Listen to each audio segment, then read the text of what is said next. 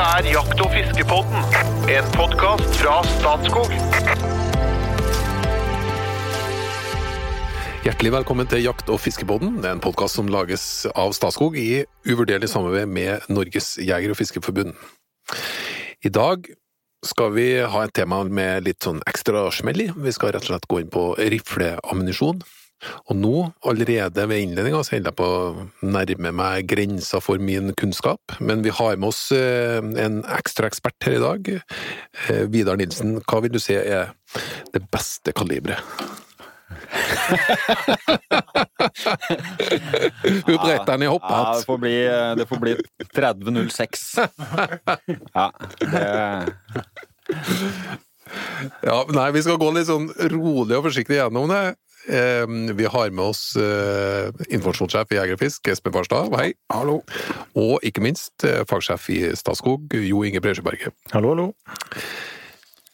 Jeg tror vi må starte litt sånn enkelt. Når bruker man egentlig rifle og rifleammunisjon på hvilken type av jakt? Ordet fritt. Nei, det er, vil jo være når du skal eh, ut og jakte og treffe et uh, vilt med et presisjonsskudd. Da snakker vi stort sett om eh, all type jakt som er på lengre avstand enn det man bruker eh, hagle til. Mhm, Lenger enn eh, 30 Lengre enn 30 meter, og eventuelt eh, på det meste av storviltjakt. Og i hovedsak stillestående vilt. Og det enkle er på en måte elg, selvfølgelig, hjort, eh, villrein, og så kommer vi ned på rådyr, men der begynner det å åpne seg muligheter for eh, ulike typer våpen. Hvis vi går noe videre, da, er det, er det det minste dyret du kan skjøte med rifle, er det rådyr? nei. Kan nei. skutte egentlig alt, da. Alt. Men, uh... Rypejakt med salong er jo helt vanlig. Ja. bever, hæra, rev, ikke minst. Stiller store krav til skuterferdigheter og kaliber og kuler og krutt. eh, kan vi snu på, er, noe, er, det, er det noe vilt du ikke kan skjøte med rifle? Nei, ikke av det som er jaktbart. Nei, men, men nå, da svarer man, nå svarer dere på det legale, på en måte. Hva som er lov, og hva som ikke er lov. Men, men det, er ikke, det er ikke praktisk å bruke rifle til all jakt. Ikke nødvendigvis, men Nei, det er lov. det er lov, det er ja. ikke noen grense for hvor, eh, hvor smått vilt du kan eh, skyte med elgbørsa di, da, for å si det sånn. Men eh, for eksempel, da, for å følge opp en Espen, du går vel kanskje ikke på jakt på høsten på rypejakt med rifle, mens derimot på vinterjakk kanskje, mer aktuelt? Mm, helt klart. Det er noe med at eh, da trøkker det trøkker ut i rypen så godt, og det typisk vil være litt for lang hull til hagle. Eller at du kombinerer at du går med hagle og har rifle i salongrifle eller finkaliberrifle i sekken. Eksempel, så at eh, hvis det blir litt lengre hull, så kan du velge å jakte med rafle. Det kom du med et lite stikkord. Vi, nå er det mange forskjellige våpen, så det får vi liksom det får vi veve inn i, i, i historia. Eh, Men du kom med et eh, stikkord som heter kaliber. Hva, hva betyr ordet kaliber, egentlig? Ja, altså Kaliber det er i utgangspunktet diameteren på prosjektilet, eller diameteren på løpet. Det varierer litt på betegnelsen om de, om de bruker diameteren på prosjektil eller, eh, eller selve løpet på rifla. Og, men det vi i dagligtale kaller for kaliber, er jo egentlig hele patronnavnet. Alle patroner har et uh, navn, for eksempel ja, 308 Winchester. Da Ja. står eh, 308 for uh, diameteren på prosjektilet i tusendels tommer. 0 308 tusendels tommer er diameteren på prosjektilet, og Winchester er da produsenten som fant opp akkurat den eh, Tok patent på Tok patent på den eh, patronen. Mens tyskere med sin grunnhet ville kalt det da 762 ganger 51, typisk. da. For Som da er- 7,62 millimeter eh, diameter på løpet, og patronlengden er 51 millimeter. Ok. Skal vi ikke, skal vi ikke spørre hva slags favorittkaliber jeg har, da? Spør nå. Ok, Mange. Hva er favorittkaliberet ditt, da? Hvis, hvis vi må velge én, bare én, jeg har flere favoritter, men hvis vi må velge én til eh, all den jakta jeg driver på med, så er det 6,5. 6,5-55. 6,5-55. Ja. Hva er det for noe?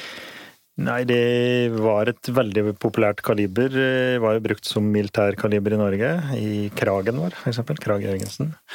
Eh, og nå har vi brukt det som skytterlagsvåpen i mange, mange år. 6,5, 55, altså 6,5 mm kule, og så 55 mm lang. Diameterkule. Mm. Og selv de siste åra har til og med amerikanere fått øye opp for 6,5. Det er mulig å lade patroner med moderat og mild rekyl, og kan få flat kulebane og skute prosjektiler veldig langt. Det liker amerikanere. Men det er et ideelt kaliber å trene med, for det er låg rekyl og veldig presist. Og det er kanskje av de standardkalibrene kanskje det mest ideelle på rådyr. Og så er det noen som syns det er litt snøyt på elg, men det er jo på hvor du treffer den, stort sett, å ha solide kuler. Og rimelig ideelt både på rein og hjort. Og så kan du skutte småvilt med det. Type jeg jakter jo en del på tap. Jeg jakter tiur og ærane på tap. Og da er ikke 6,5 ikke overkill. Skutter hæra med dem er heller ikke overkill der. Da vil en 36 som er Vidars favoritt bli litt i meste laget, vil jeg si da. Det var min favoritt. Så det er rett og slett et, et tullespørsmål som jeg fikk et ordentlig seriøst svar på.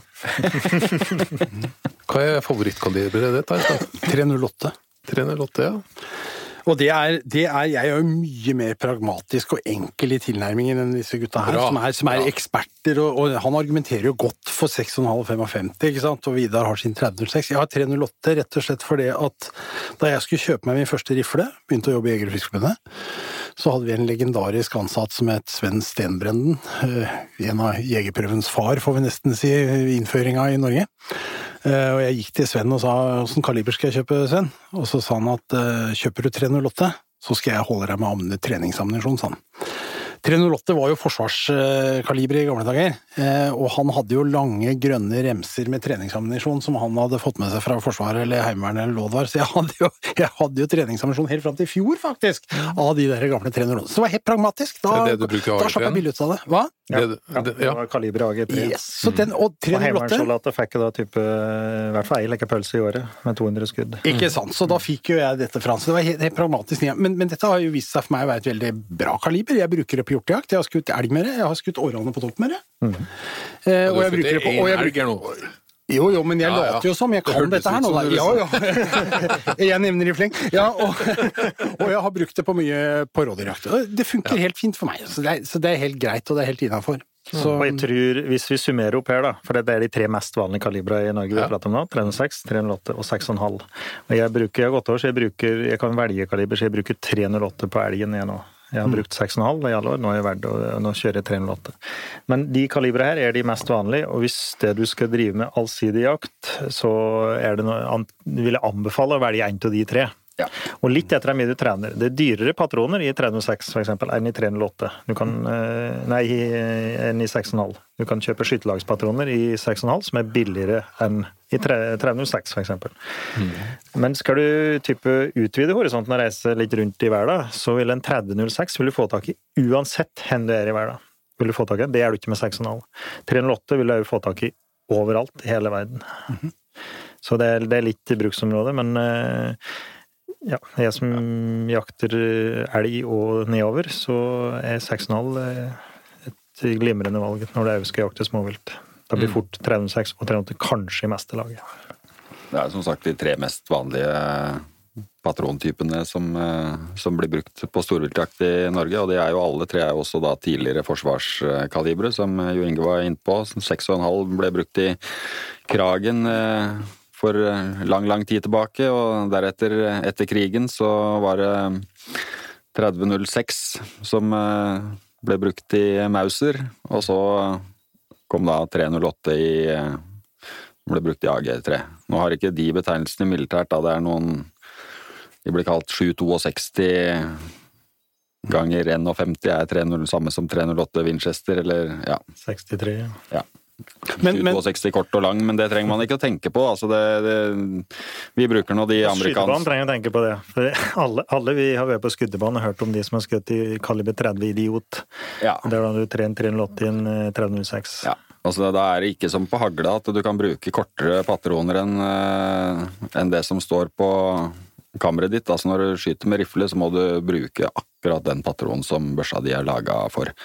Så selv om jeg i min 3006 får plass til en patron som heter 308 Winchester, så bør du ikke trekke i avtrekkeren eh, med det. Kanskje det, Nei, det vil eh, smelle. Sannsynligvis kommer kula helt eh, fint ut òg, men hylsa er ikke tilpassa det kammeret. Og du kan i verste fall risikere at våpenet ditt går i lufta. Du har i hvert fall ikke noen garanti for at det ikke skjer, så Dere står da på, i, på børsa di. det er veldig lurt da, at du ser på børsa di at, det- hvor det står stempla hvilket uh, kaliber du har, og sjekke at det er det samme som står på den pakka med ammunisjon du skal bruke. Du skal jo er den- ikke få kjøpe patroner i feil kaliber, da. For du har jo kaliberet på våpenkortet ditt. Når du skal kjøpe patroner til en rifle, så skal du ikke klare å få kjøpe patroner i feil kaliber i utgangspunktet. Men eh, det er jo Jeg har vært for hvem på at folk skutter i 380 i en 306, og det, det behøver ikke gå bra. liksom, vi, Nå begynner vi å snakke kaliber og, og, og bruksområder og sånne ting, men jeg kunne godt tenke meg, Vidar, at du dro en liten forklaring først. Altså, når vi, når vi sender av gårde et skudd på jakta, jeg er opptatt av jakta i dette, ikke sant, så skal jo vi oppnå et dødelig skudd. Hva er det som skjer? Altså, vi sitter med en svær patron. Eh, mye av dette er jo hylse, og tar jo ut igjen. Sjølve kula er jo så så stor. Hva skjer når det treffer dyret? Hva, hva er et dødelig skudd, på en måte? Kan du, kan du si noe om det? Det som skjer er jo, hvis vi tar utgangspunkt i storviltjakt her, så er det som skjer at eh, den eh, kula den kommer ut av løpet i en Som et skudd. som et skudd i ganske høy hastighet.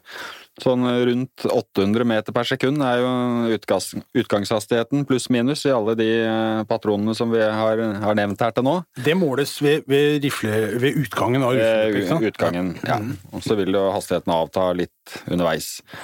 Og i rifle som har et rifla løp, altså riller i løpet, de eh, er jo skrudd eh, rundt, da, så man får spinn på kula. Det gjør at han holder seg stabil, og at, at du får et presist våpen, og at kulene treffer akkurat der du sikter.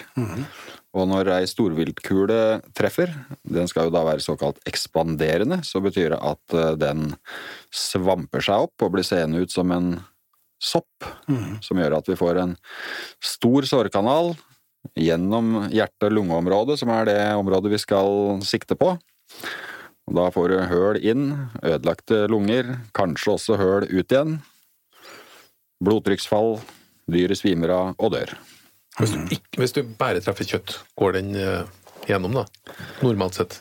Da vil det stort sett lage et stort eh, kjøttsår, da, så om eh, å gå gjennom og holdt på å si hvor store skader det blir, vil jo avhenge av om du treffer bein eller hvis du ikke treffer bein, så svamper den seg likevel? Ja, Ja. ja, ja. ja. Og Det er i motsetning til, til eh, kuler for militært bruk. Det er utlært å bruke ekspanderende kuler. Altså I krig så bruker du helmantel, som skal lage lite skade. Mens denne kulen her er, er å lage færre å, å lage en stor sårkanal. Og i prinsippet lage en stor skade, da.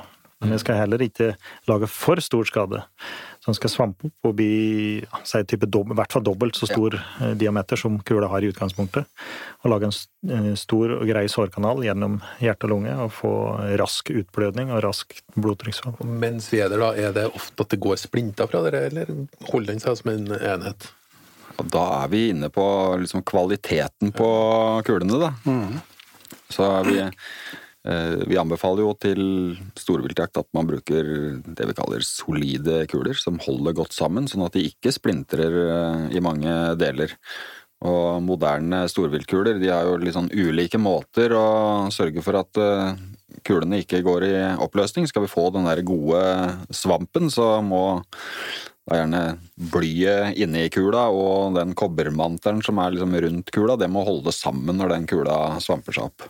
Og ofte så lar man løst det at man har lodda blyet og, og mantelen på utsida. Lod, Lodda kuler. Lodda de sammen. bonded eh, kuler, eller lodda kuler. Da holder de godt sammen. Litt dyrere, men bedre kvalitet. Det vil si at det brukte enten en kjemisk prosess eller en slags limeprosess der eh, blyet er festet i mantelen, så at det ikke skal slippe.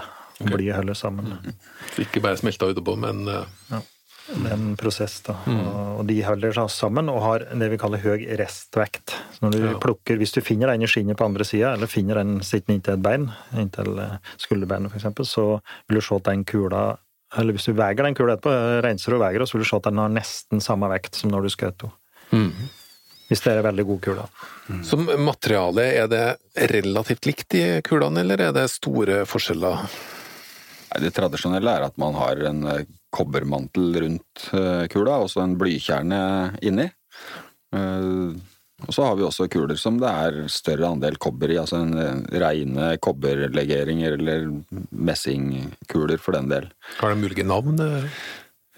Det kaller vi gjerne for, hvis ei kule er laga av et enkelt materiale, kaller vi det for homogene kuler. Så ei eh, kule som er laga av en rein kobberlegering, kaller vi en homogen kule. Men de kan også være konstruert da med en sånn hullspiss, et høl i tuppen, som gjør at de svamper seg opp eh, sånn som det er kravet da til ekspanderende ammunisjon. De vil jo som regel aldri splintre seg noen, eh, noe voldsomt. I den grad det kan gå av noen småbiter av de, så, så er det da kobber og ikke, ikke bly, da. Så det kan jo være et ja. greit alternativ. de de dyrere kulene vi prater om, de bondekulene, de er ofte litt dyrere kuler. Og så har du mer konvensjonelle, altså de gamle typen blyspiss, da, som ikke har loddemantel og bly. Så vil de avsette mer bly i Ok, mm. kroppen. Altså at de splintrer mer og vil kunne avsette mer bly. Og det, det er det jo da forsket en del på, det skal vi ta i en seinere episode, det med blyavsetning, for det er uheldig. Og så er de bondekulen ved treff i bein, så vil de kunne lage en liten sky av mm. små blyfragmenter. Og, og bly er eh, ja, det er tungmetall som har en del uheldig, eh, kan ha en del uheldige helsevirkninger. Så det, det skal vi ta i en senere episode. Men, men en konvensjonell, gammel blyspiss den slapp da en hel del bly. Og i dag bruker de fleste elgjegere bruker da bondekuler. Før var det gjerne et prisspørsmål. De gamle konvensjonelle var billigere å lade. Mm. vi hadde ei kule som heter Norsler, som var veldig populær. Da han, eh, var den bakdelen var hel, mens framdelen Bakdelen av kula var skilt med en vegg, en mantelvegg. Altså framdelen var en ren konvensjonell blyspiss. Og den, den etterlater seg ganske mye bly i kroppen. Og tyskere har jo hatt en del kuler som har vært type, har avgitt veldig mye bly. Eller, altså, kula nærmest har eksplodert, det er splintre. Og det Ja, det går vi i hvert fall her i Norden vekk ifra. Vi vil ha solide kuler. Men alle svamper seg, og det er veldig viktig for å ta livet av dyret. eh, i, på kort tid. faktisk, Ja. ja. Men eh, ah, ja, og er det, er det, skjer det ofte at uh, ei kule ikke svamper seg? Nei, det skjer nok veldig sjelden i, hvis man bruker kuler som er beregna på å svampe seg. Men det, det kan, kan jo skje da, hvis det er en patron som er altfor svakt uh, lada, kanskje. Så hastigheten er for dårlig når, når man treffer. Men, men eh, en, normalt innafor normale skuddhold på storviltjakt, så går det her bra. Og det kan skje eh, type med de homogene kulene som vi prater om, da. Eh, Kobber. Det å legge ei kobberkule på en ambolt og så slå på den, kontra ei blykule, så vil du se her som er hardest. Ei kobberkule er ganske hard.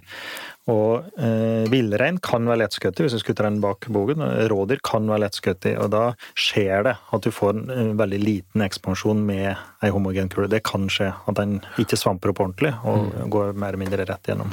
Vi har det andre det Et annet da, element er hvor stor energi kommer den kula med i det øyeblikket den treffer dyret. Anslagsenergien. For Én ting er hva, hva som skjer ut fra rifla, det andre er anslaget. Som da må avhenge av flere variabler. Det er det. eh, På jakt etter det største storviltet, på elg og hjort og villrein, så er det krav om eh, at man skal ha en anslagsenergi på 100 meter på minimum 2200 hjul hvis du bruker eh, 10 grams kule eller tyngre, og 2700 hjul hvis du bruker 9 grams kule eller mellom 9 og 10 grams eh, kule.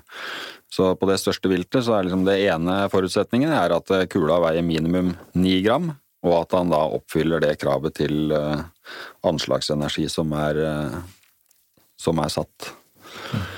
Og i praksis så vil alle, alle vanlige jaktpatroner i handelen, i de kalibera som vi har nevnt her nå, de vanlige storviltkalibrene, med tunge nok kuler, de vil i hovedsak oppfylle krava. Det er noen unntak, da. Ja, for da begynner vi liksom over i unntaket, da, med 6,5 som er mitt favorittkaliber. Det nevnte jeg kanskje i Ja, det, Eh, Så skal du kjøre homogene kuler, som vi prater om nå, eh, kobberkuler, som da er lettere enn bly, så blir typisk skal du ha ei tungnuk kule da i 6,5, så blir den veldig lang. For å få den tungnuk. Mm. Og de blir ustabile. Og en måte å løse det på er å gå ned og ha lettere kuler.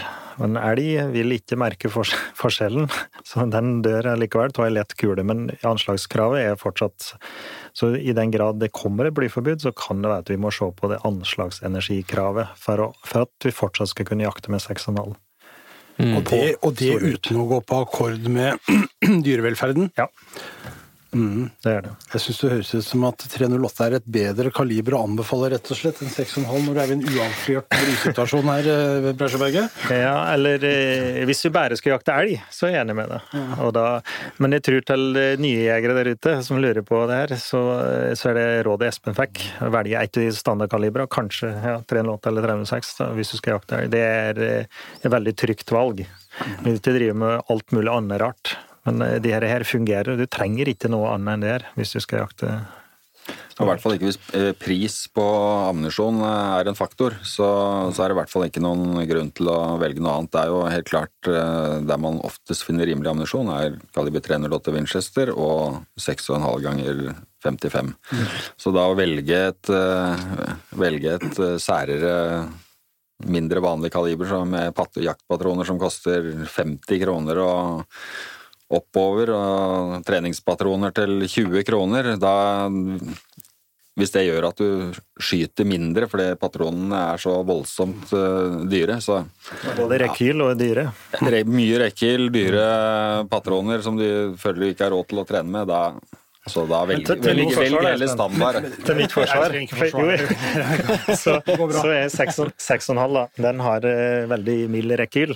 Og eh, det er å teste på soldater. Altså soldater eh, har vi jo mengdetreninger vi kan teste på.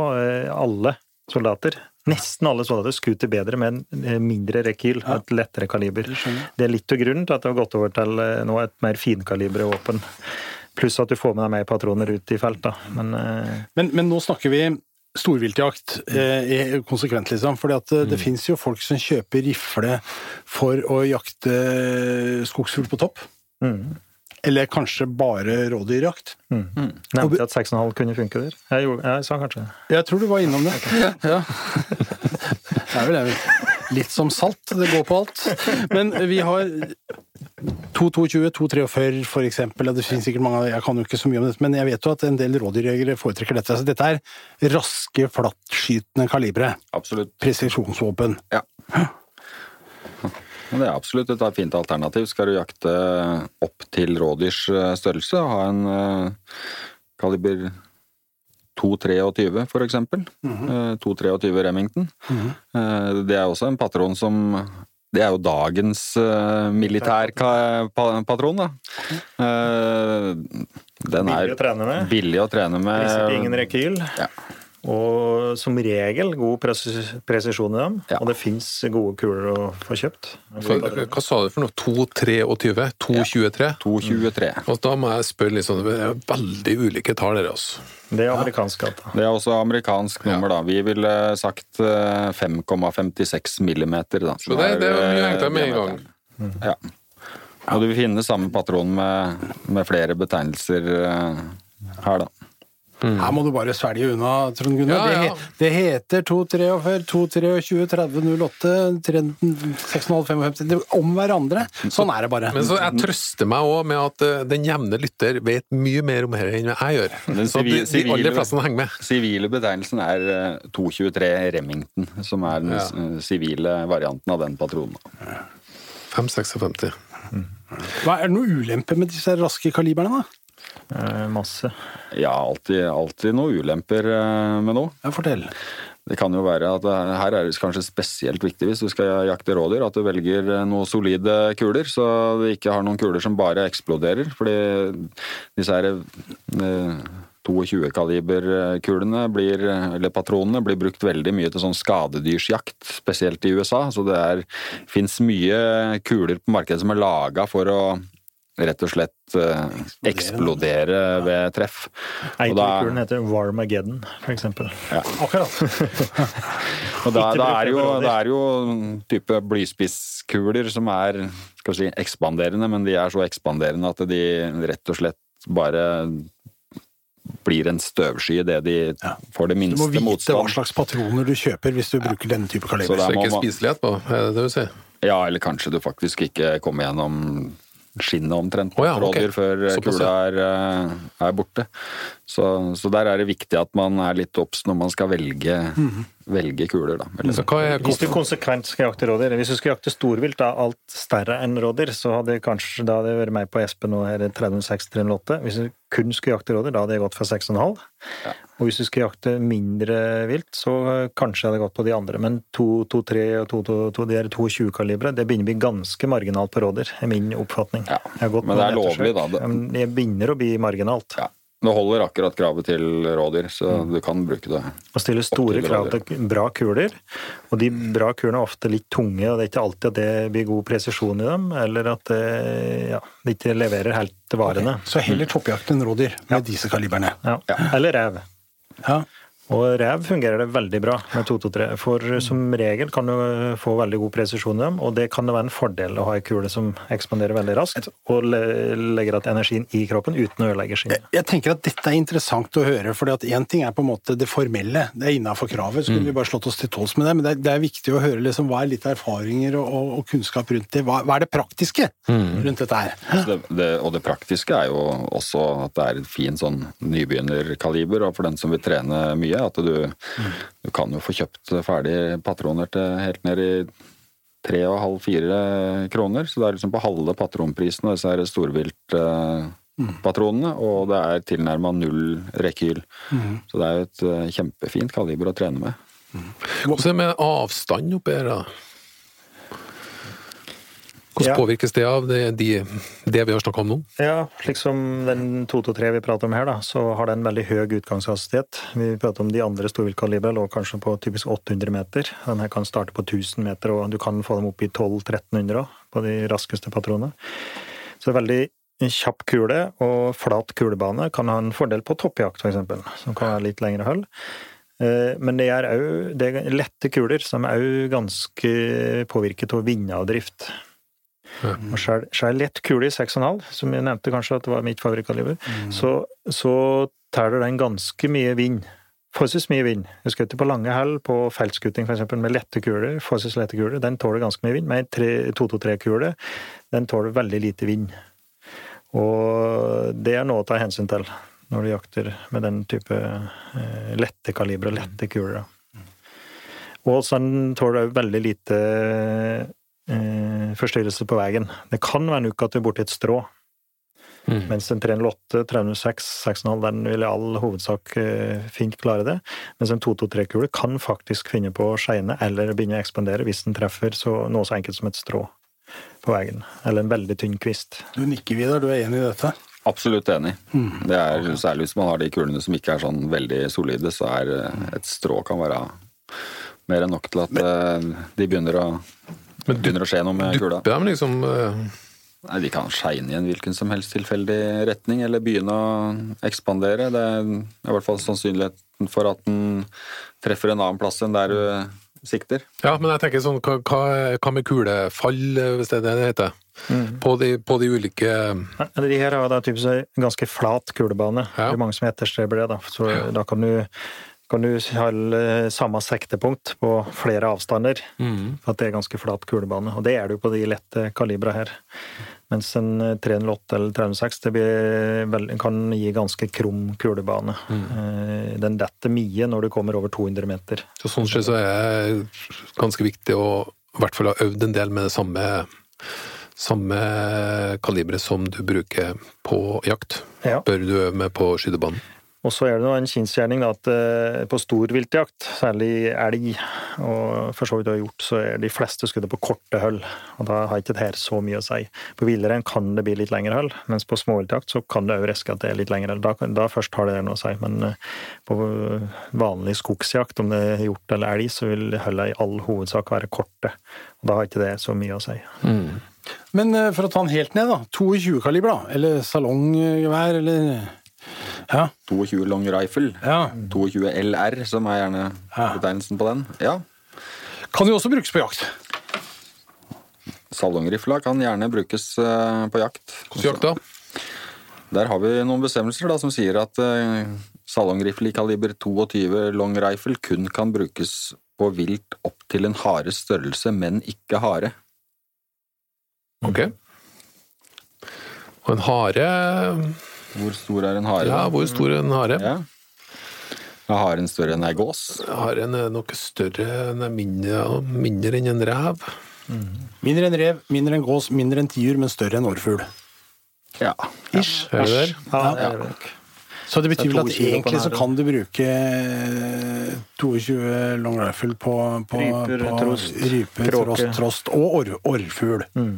Men ikke storfugl. Røy, ja. Nei, den Nei. blir tyngre. Det er, eh, Miljødirektoratet har i hvert fall brukt storfugl som eksempel på arter som er for, eh, er for store. greit Så røy inngår vel gjerne i storfugl. Ja, ja. Så storfugl og, og gås er typisk eh, for stort. Men eh, for å prate om det, da. 22 er, eh, det er min andre favoritt. Jeg nevnte kanskje ikke det, da, men eh, det er min andre favoritt. 22. Jeg syns det er helt fascinerende å ha et sånn sterkt lidenskapelig forhold til kaliber, men bare fortsett, vær så god. Jeg har navn på bæsjen min òg. Men for nye jegere da, så vil jeg starte med ei rifle ut ifra det du skal jakte. Skal du jakte elg, hjort, rein, rådyr? Altså start med ei rifle i ett av de tre standardkalibrene jeg sa. Og så vil jeg òg kjøpt ei salongrifle til å trene med. Skal jeg ikke undervurdere den. Jeg har skutt i tusenvis, titusenvis av skudd med salongrifle.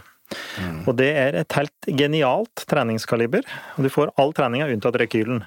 I tillegg så er patronene fortsatt veldig billig. Eh, og du kan, som sagt, du kan òg jakte med dem. Jeg jakte ryper med dem, eksempel. Det kan være et eh, greit eh, jaktkaliber. Men bare treninga uten rekyl, og få all den mengdetreninga du kan gjøre med en salongrifle. Og det er de beste konkurranseskyttere har skutt veldig mye med salong. Eh, så det er helt klart å anbefale å ha som treningsvåpen. Da får du jo treningspatroner helt ned i 60-70-80 øre per stykk. Ja, hvor mye koster eh, Hvor mye koster patronene vi har snakket om i dag nå? Fra 60 ja, øre og 60 øre og, eh, hvis du kjøper litt kvanta på 22 long rifle. eh, Ellers så eh, kaliber 223 som vi var, var inne på her, de kan du hvis du kjøper i litt større kvanta. Så kan man få tak i treningspatroner nede i 3,5-4 kroner. Eh, Kaliber 308 Winchester kan man få treningspatroner kanskje ned i en rundt ja, seks kroner. Ja, i beste fall. Veldig kvanta. Ja, med litt kvanta og litt tilbud, eh, som det av og til er på noe av disse standardkaliberen, så kan du komme ned i det. Og så ja, bortimot det samme kanskje på 6,5-55, og så må du legge på ei krone eller to for 3006 gjerne. Og så kan det egentlig bli så dyrt som Så du oppover. Så går det oppover. Okay. Og, og type en helt grei jaktpatron med ei bondekule i de tre storviltkalibre, da ligger kanskje på 35 kroner skuddet. såpass. Ja. oppover. Jo, men du, husk at du skyter jo ikke så mange av de der skudda der, ikke sant? Det er ikke her kostnadene ved jakta ligger.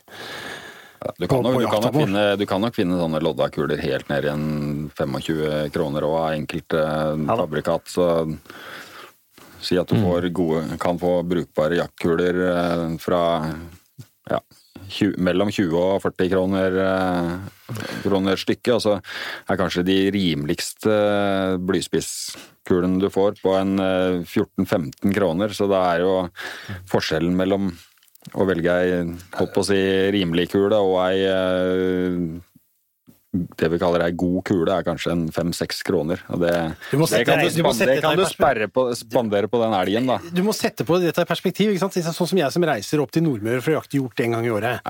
Og, og skyter jeg fire-fem skudd i løpet av den helga, så er jo det egentlig det en god helg. ikke sant? Og da koster det altså 100-150 kroner. Det er jo det jeg svir av i pølser og boller på Espa ikke sant? på vei opp. Det er jo ingenting.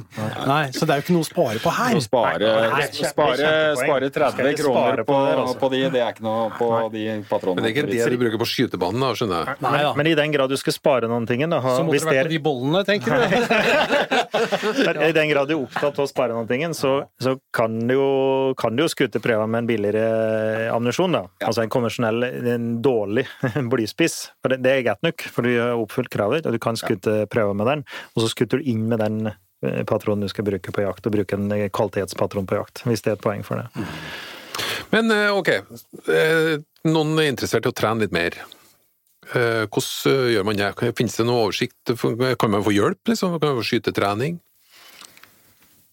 Ja, selvfølgelig. Det, er jo, det er jo fullt av folk rundt omkring på bandene som er behjelpelige. Vi i Jeger- og Fisk-systemet har jo utdanna rifleinstruktører og har et system for dette. sånn. Og oversikt over baner finner du i appen vår, og det er jo ikke måte på hva du finner.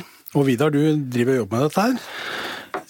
Holde- Ja, altså Stort sett alle, alle skytebaner som har åpent for, eh, for jegertrening, de, eh, de har jo gode folk på standplass. Standplassledere, instruktører som er behjelpelige. Det er bare rett og slett å Det er Terje og sperre. tørre å spørre. Det er eh, Så ta kontakt med den lokale jeger- og fiskeforeningen, så får du egentlig den hjelpa du trenger. og Eller skytterlag, og må, vi må Ja. ikke glemme det at det er skytterlag rundt hele Norge. Og det er ofte i banen et samarbeid med Jeger og Fisk og DFS, eller at de har hver sine baner. Og på, på alle banene jeg er vært på, om det er Jeger og Fisk sine, eller om det er fellesbaner eller DFS sine baner, så er det folk som er, har utrolig peiling. og det, hvis du vil, så får du hjelp. Og, og det er ei greie i Norge. Eh, Det ble sagt lenge at vi hadde ett bedehus og ei skytebane i alle bygder i Norge, og det er nesten sant ennå. Det er utrolig mange skutebaner i Norge. Og de, de fleste blir holdt i hevd, blant annet på grunn av de pliktskuddene og, og storviltprøver. Og, det du skal ikke reise langt. For I Danmark for eksempel, det er nesten ikke finnes skuddebane. Enormt press på skuddebaner. Eller prøve å lage en ny skuddebane i, i dag. Eksempel. Og særlig tettbebygde strøk. Så det er en eh, kvalitet eh, vi har hatt i Norge. Det er jo en felkesport å drive med, med skyting i Norge. Men det er jo sikkert en del av våre lyttere som ikke vet. Du har jo vært konkurranseskytter sjøl, Ja, og farta rundt. Du har skutt i jeg har på mange baner. utrolig mye skudd på utrolig mange forskjellige plasser. Ja, har det. Du blitt kjent med mye folk, og blitt kjent med veldig mange rare steller i Norge. og, og det skuddebaner er det overalt. Og, og kvaliteten på skuddebanen i Norge er veldig høy. Nå i dag er det stort sett elektronikk på alle baner. Det er veldig høy kvalitet på dem, og blir holdt i hevd. Og, og du får hjelp hvis du vil. Så, er rett og slett vi bare oppfordrer folk til å være flinke til å spørre. Altså, Lurer du på noe med å skru på kikkerten din, eller hva slags patroner du skal velge, så spør de som eh, jobber på skytebanen. De er stort sett bare glad for å bli spurt, og de fleste øser gjerne av all den kunnskapen de sitter på. Så Og ikke minst å bruke de her banene. vi Skal vi opprettholde de i framtida, så er det avhengig av at vi faktisk bruker dem. Og alle jegere har godt å trene. Det er ferskvare. Jeg har jo drevet med konkurranseskudding, veit hvor mye du må trene for å holde ved like formen. Og det er ferskvare. Og alle jegere burde ha trent De fleste jegere burde ha trent mer, er min påstand. Burde ha skutt litt mer. Du tar ikke skade av det også. Og ammunisjon er jo ikke så dyrt, da, at vi kan trene litt. Mm. Før vi går helt ut, skal vi ta en liten viktig ting til slutt. Det er når du har kjøpt ammunisjon og ikke har brukt den. Altså oppbevaring av ammunisjon. Eh, hvordan bør man gjøre det? ja, hvordan du ikke For bare Før bør, så lå det på loftet, nemlig. Attmed AG3-en. Ja, nå skal jo alle våpen oppbevares i et godkjent, eh, FG-godkjent våpenskap. Eh, Og hvis du har plass inne i skapet, så må du gjerne oppbevare ammunisjonen din inne i det skapet sammen med børsa. Du kan oppbevare inntil 2000 skudd, er det lovlig å oppbevare i våpenskapet sammen med våpen. Eh, Men det er ikke noe krav om at eh, ammunisjon skal oppbevares i våpenskap sammen med våpen. Som Sånn generelt utover det så skal det oppbevares atskilt fra våpen, og det skal være under særskilt lås. Og det vil jo si at du kan låse ned ammunisjon egentlig i hva som helst av låsbar innretning. Om det er et låsbart uh, Det er det som er springende punktet. Det skal være låsbart. Ja, låsbart uh, garderobeskap eller en låsbar skrivebordsskuff. Det er det at det skal være i, under en eller annen særskilt lås. Kiste, kasse. Mm. Så er det vel slik du kan oppbevare noen flere 22 patroner, stemmer ikke det? Jo, 5000, maks det du kan oppbevare hjemme er inntil 10 000 patroner.